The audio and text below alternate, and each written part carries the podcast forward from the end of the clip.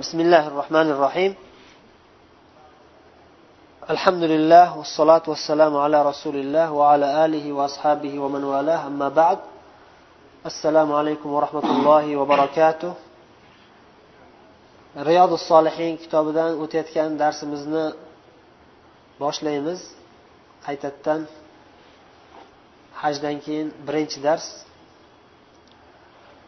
hajdan oldingi oxirgi o'qib to'xtagan hadisimiz yigirma birinchi hadis edi. Uzun qissa kabul molik roziyallohu anhu qissalarini to'rtta darsda o'qib o'tuvdik. Bugun inshaalloh yigirma ikkinchi hadisdan boshlab shu bobni oxirigacha yetkazib qo'yamiz inshaalloh. Bu bob bilasizlar tavba bobi. Tavba qilish ahamiyati va shartlari foydalari haqida. yigirma ikkinchi hadisda imom navoiy rahimaulloh quyidagi qissani zikr qilyaptilar bu ham juda ibratli juda muhim qissalardan abu nujayd imron ibn husayn roziyallohu anhu rivoyat qiladilar أن امرأة من جهينة أتت نبي الله صلى الله عليه وسلم وهي حبلى من الزنا فقالت يا نبي الله أصبت حدا فأقمه علي. فدعا نبي الله صلى الله عليه وسلم وليها فقال أحسن إليها فإذا وضعت فأتني. ففعل. الحديث bu qissada aytilyaptiki rasululloh sollallohu alayhi vasallamni huzurlariga juhayna qabilasidan bo'lgan bir ayol keldi. Juhayna qabilasi mashhur qabilalardan arab qabilalarini ichida katta qabilalardan biri. Shu qabiladan bo'lgan bir ayol kelib o'zining qilgan gunohini e'tirof etdi. U ham bo'lsa zino. Zinodan homil bo'lib qolgan ayol edi. Shunday holatda kelib aytdiki ey rasululloh ya nabiyalloh men olloh chizib qo'ygan chizig'ini buzib qo'ydim. Ya'ni allohning chegarasidan chiqib ketib qoldim. Had bajarib qo'ydim. Mana shu hadni mana shu jazoni menga qo'llang. Meni jazolang. Shu dunyoda poklanib ketayin degan ma'noda rasulullohdan iltimos qildi. Shunda rasululloh sollallohu alayhi vasallam bu ayolning valisini ya'ni otasi yoki yaqin erkak qarindoshlaridan birini chaqirdilar. Ya'ni akasinimi amakisinimi vali deyiladi. Kim eng yaqin qarindoshlaridan qaysi biri bo'lsa o'sha vali bo'ladi. Otasi tirik bo'lsa otasi valiy bo'ladi. Otasi o'tib ketgan bo'lsa akasi yoki ukasi valiy bo'ladi. Valiysini chaqirib aytdilarki bunga yaxshi muomala qilib turgin. Olib ketginda yaxshi muomala qilib turgin. Bizni sharmanda qilding bizni xor qilding nima ish qilib qo'yding u bu deb urushmagin ayblamagin qiynamagin ezmagin va hokazo. Hammasiga qarshi xilof ravishda faqatgina yaxshi go'zal muomala qilgin dedilar. Nima qilgan bo'lsa ham o'tgan ish. Endi yaxshi muomala qilib turgin. Qachonki homilasini qo'ysa ya'ni tug'sa farzandini tug'sa kelgin ana shunda meni oldimga kelgin dedilar. Ya'ni valisiga aytdilar sen kelgin. U ayol o'ziga buyurmadilar hatto. Keyin Vali shunga itoat qilib olib ketdi bu ayolni. Va farzandini tug'ib keyin olib keldi qaytadan. Shundan keyin rasululloh sollallohu alayhi vasallam buyruq berdilarki kiyimlarini yaxshilab kiydiringlar. Alayha kiyimlarini yaxshilab kiygizilib mahkam bog'lab qo'yildiki ochilib ketmasligi uchun. Keyin toshbo'ron qilishga buyurildi. Toshbo'ron qilindi vafot etdi ayol o'ldirildi. Keyin janozasini rasululloh sollallohu alayhi vasallam o'zlari o'qidilar. Imom bo'lib ya'ni. O'zlari imom bo'lib janozasiga janoza namozini o'qidilar. Va dafn qilindi. Shunda umar roziyallohu anhu so'radilar tusolli alayha ya nabiyalloh vaqad zanat. Zino qilgan ayol bo'lsa ham siz ey rasululloh bu ayolga janoza o'qidingizmi? Yoki janoza o'qimoqchimisiz? deb so'radilar janoza o'qishdan oldin. Shunda rasululloh sollallohu alayhi vasallam janoza o'qib bo'lgandan keyin bo'lsa kerak?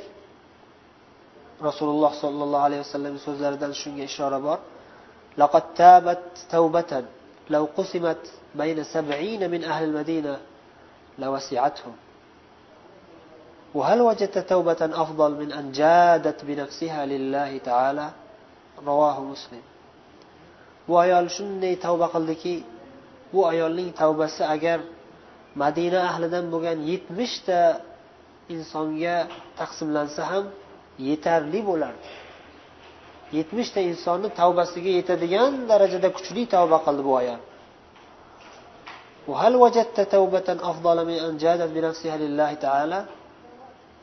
O'z jonini olloh uchun topshirib ollohga berib tavba qilgan insonning tavbasidan ham ko'ra afzalroq biror bir tavba ko'rganmisan dedilar ya'ni o'z nafsini o'z jonini meni o'ldiringlar meni poklanglar men tavba qilay meni tavbam qabul bo'lsin deb o'zini jonini topshirgan insonni tavbasidan ham ko'ra afzalroq tavba ko'rganmisan hayotingda? Yo'q eng oliy darajadagi tavba mana shunday bo'ladi degan ma'noda umarga ya'ni umar roziyallohu anhuga bu ayolni fazilatini bayon qildilar. Gunoh hammada bor. Kimdir katta gunoh kimdir kichkina gunoh qilib qo'yadi baribir. Lekin eng asosiy gap tavbada. Tavba qildimi? Qanchalik tavba qildi? Bu ayoldan ko'ra oliyroq darajada tavba qiladigan odam bormi? Bu ayol o'zini jonini allohga topshirdi deb maqtadilar. Yetmishta insonni tavbasini jamlansa ham bu ayolni tavbasiga yetmaydigan darajada kuchli tavba qilgan. Bu qissani bu yerda qisqaroq keltirilgan. Bu qissa yoki bundan boshqa bir qissada ham kelgan. Bir ayol rasululloh sollallohu alayhi vasallamni huzurlariga shu zinodan tavba qilib kelganda rasululloh sollallohu alayhi vasallam avvalida yuz yugurganlar qabul qilmaganlar u ayolni. Tavbasini emas ya'ni qilayotgan ishini qabul qilmaganlar. Yani bunday qilib o'zini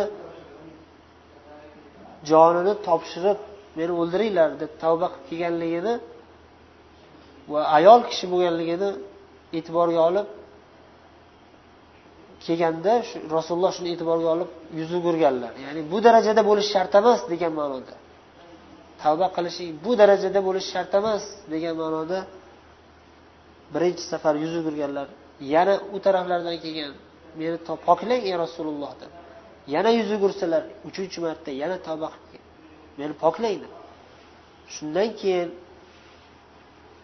rasululloh sollallohu alayhi vasallam homil ekansan ya'ni valisiga aytganlar bu homilani tug'sin avval ketsin. Bu yerda ikkita hikmat bor ya'ni avval farzandini tug'ib keyin kelsin deb jo'natib yuborishlik jazolamasdan jo'natib yuborishliklarida ikkita hikmat bor kamida. Shulardan biri o'sha e, homilani qutqarish ya'ni u farzand begunoh farzand tug'ilsin u hayot nasib qilgan bo'lsa yashasin yani. Bunda ayb yo'q. Ikkinchisi bu ayol bir iymoni kuchayib ketib qilgan gunohiga qattiq achinib ketib turgan lahzasi bo'lsa kerak. Hozir qaytib ketgandan keyin sal holat pasayib qizigani tushib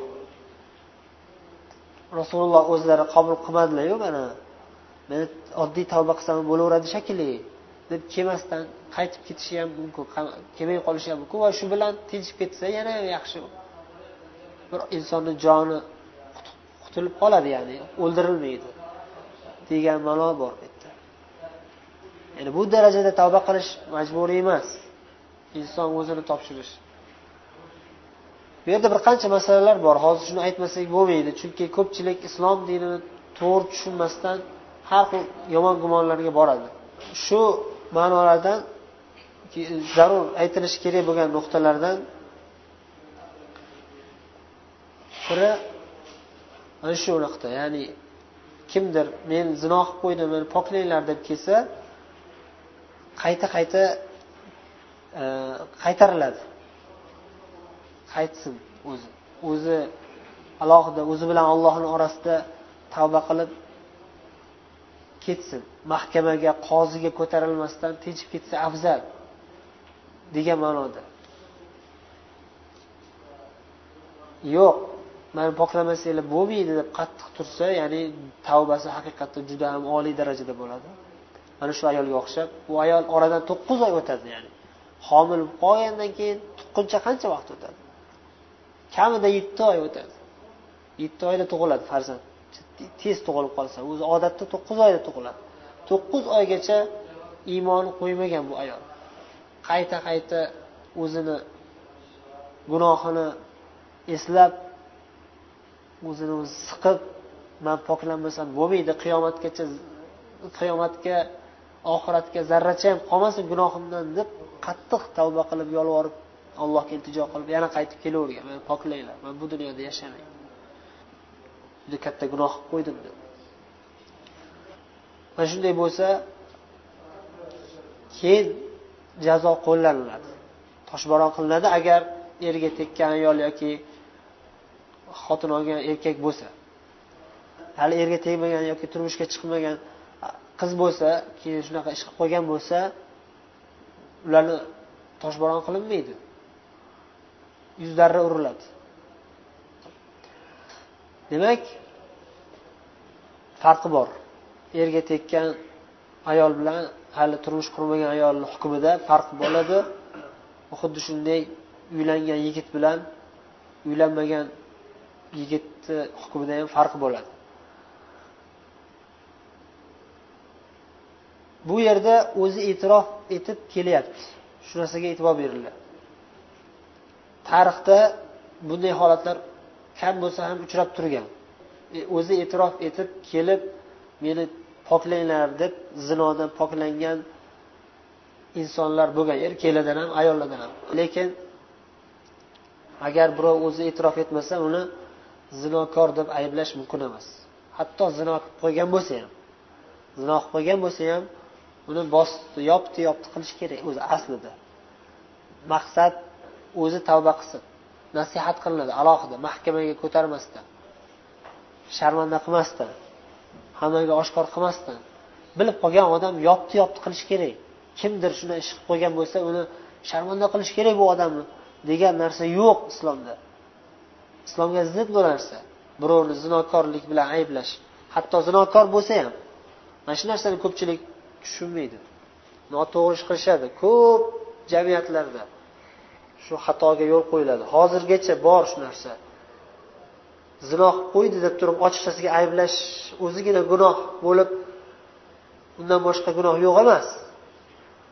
Bu odam qizlar bilan yuradi deb gapirish o'zi ham katta gunoh va buni mahkamaga tortish kerak bo'ladi. O'sha odamni ya'ni gapirgan odamni musulmon odamni obro'siga putur yetkazayotgan odamni mahkamaga tortib ovozini o'chirish kerak.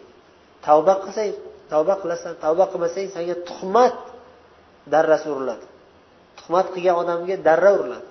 Qozi hukm chiqaradi. Mana shu narsani ko'pchilik tushunmaydi. Shu narsani sizlar yaxshilab bilib yetkazinglar odamlarga. Ko'p joylarda yigitlarni yoki qizlarni ayblashadi. Qizlar bilan yuradi bu yigit. Har xil ishlarni qiladi. Yoki bu qiz yigitlar bilan yurib qo'ygan ehtiyot bo'lgin. Astag'firulloh mana shu gaplar zino bilan ayblash qog'ozga o'rab gapirish hisob hisoblanadi xuddiki.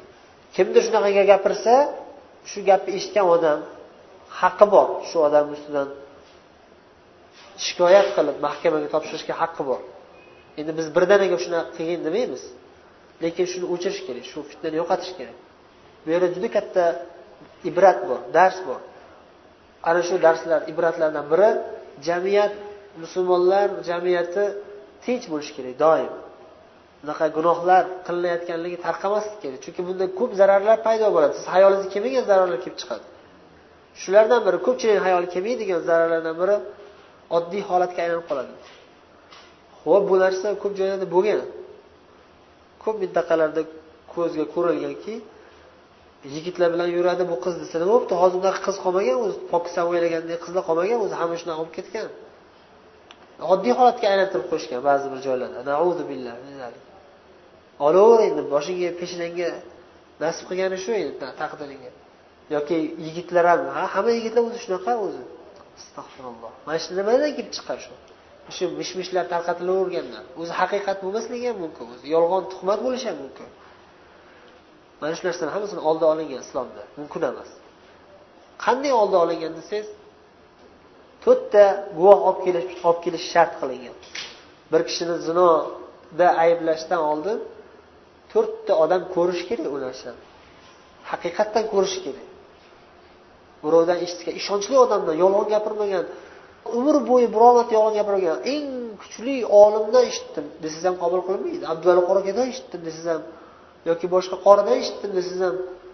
O'sha palonchi zinoga bu gap ketmaydi. Bu gap ketmaydi. Siz palonchini zinokorligini palonchidan eshitganingiz ketmaydi. To'rtta guvoh bilan o'zingiz isbotlashingiz kerak. Bo'lmasam sizga sakson darra uriladi tuhmat qilganingiz uchun. Tuhmat qilganligi uchun sakson darra uriladi haddil firya deyiladi haddil firya. Tuhmat jazosi sakson darra uriladi sakson darra uriladi illo er xotin masalasi o'zida. Qolganlarida sakson darrov agar er o'zini xotinini zinoda ayblasa sakson darrov urilmaydi lekin er xotinni olib kelib sud qilinadi. Ikkalasini besh martadan qasam ichadi.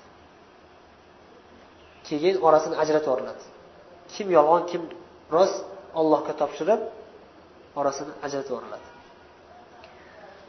Abadul abad bir birisi bilan yashash mumkin emas bir birisi bilan ko'rishish ham mumkin emas. Ajratib yuboriladi qaysidir bir er o'zini ayolini zinoda ayblasa aksi emas. Ya'ni ayol kishi erini ayblasa emas erkak kishi ayolini ayblasa. Xullas bu masalani tafsilotida gaplar bor. Aytmoqchi bo'lgan nuqta zino haqida falonchi zinokor pistonchi haromdan bo'lgan audu billah bunday bunday degan gaplar katta gunoh bu gunoh kabira bular. Kichkina gunohlar ham emas gunoh kabiralar bular odamlarni odamlarni shu narsadan ogohlantirish kerak.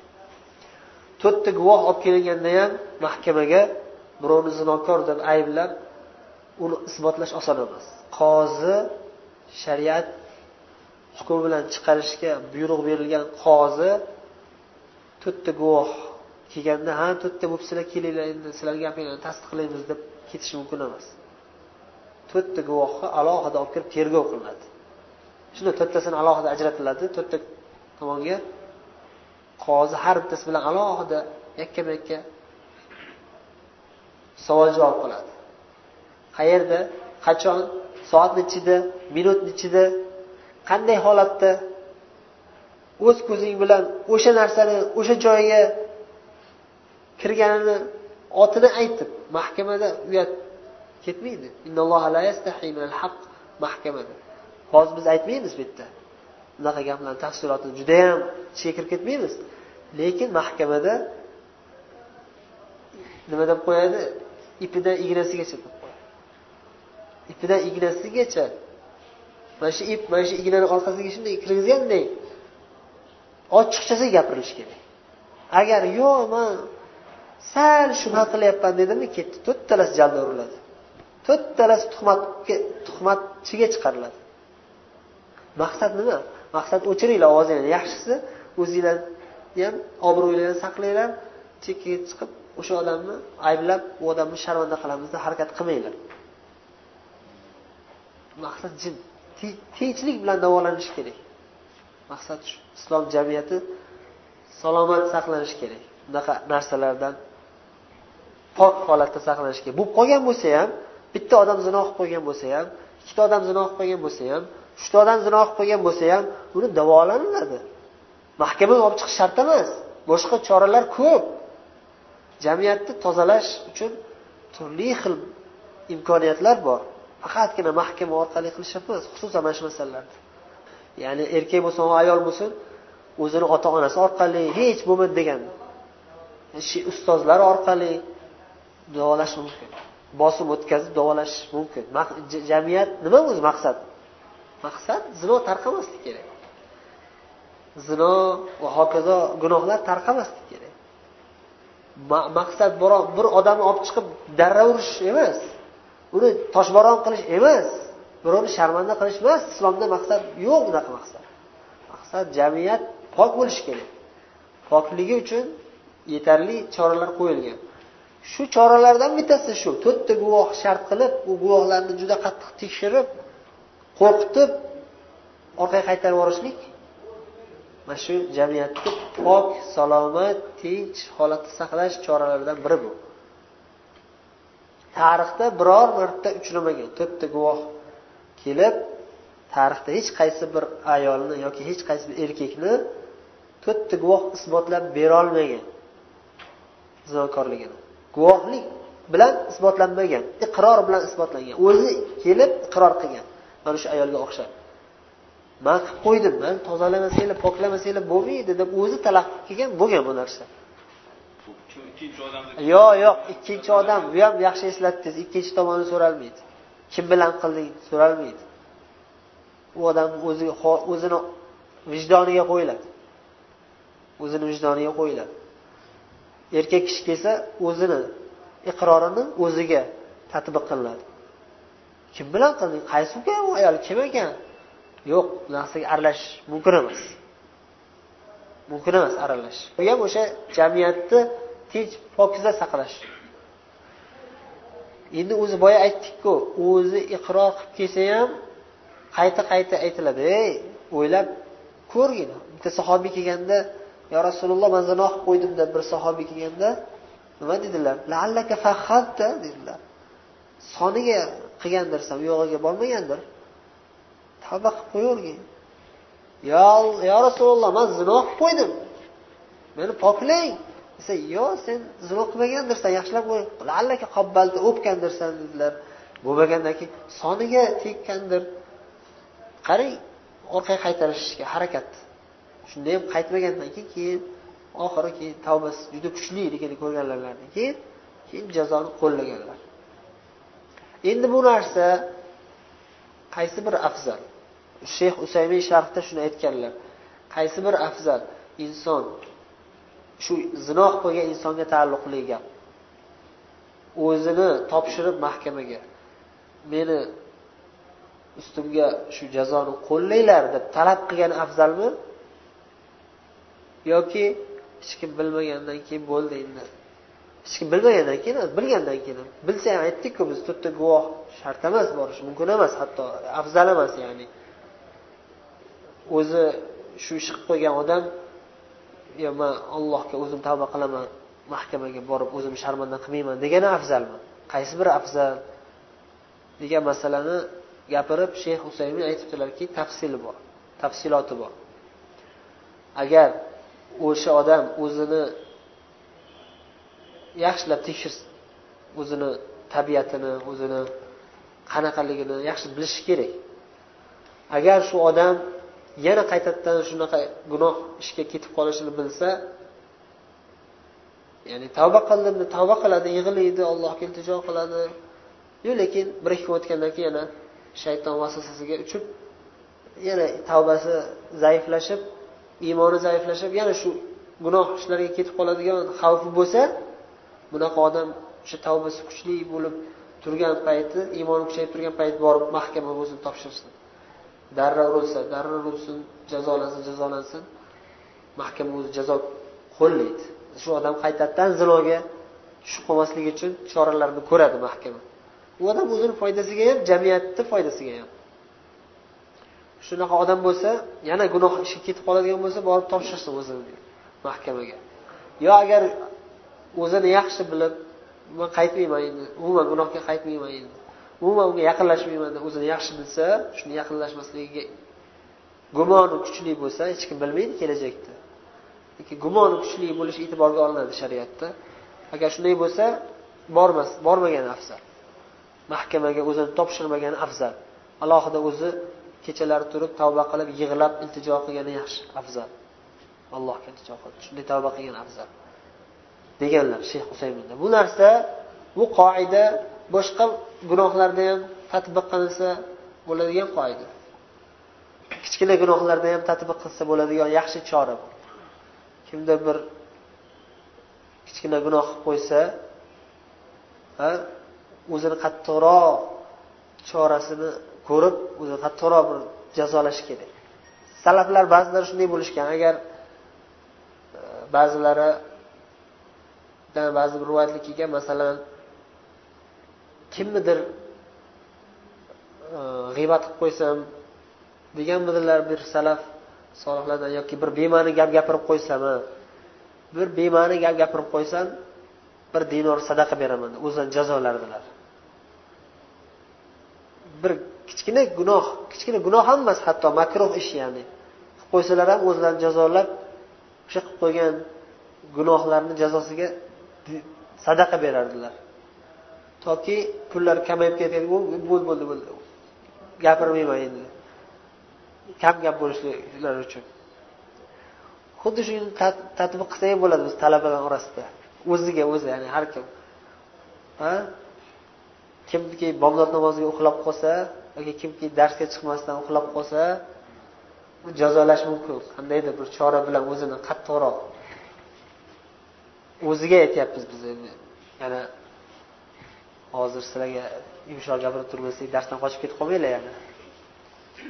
Xullas kalom shu ibratli foydalardan ba'zilari. Keyingi hadisga o'tamiz.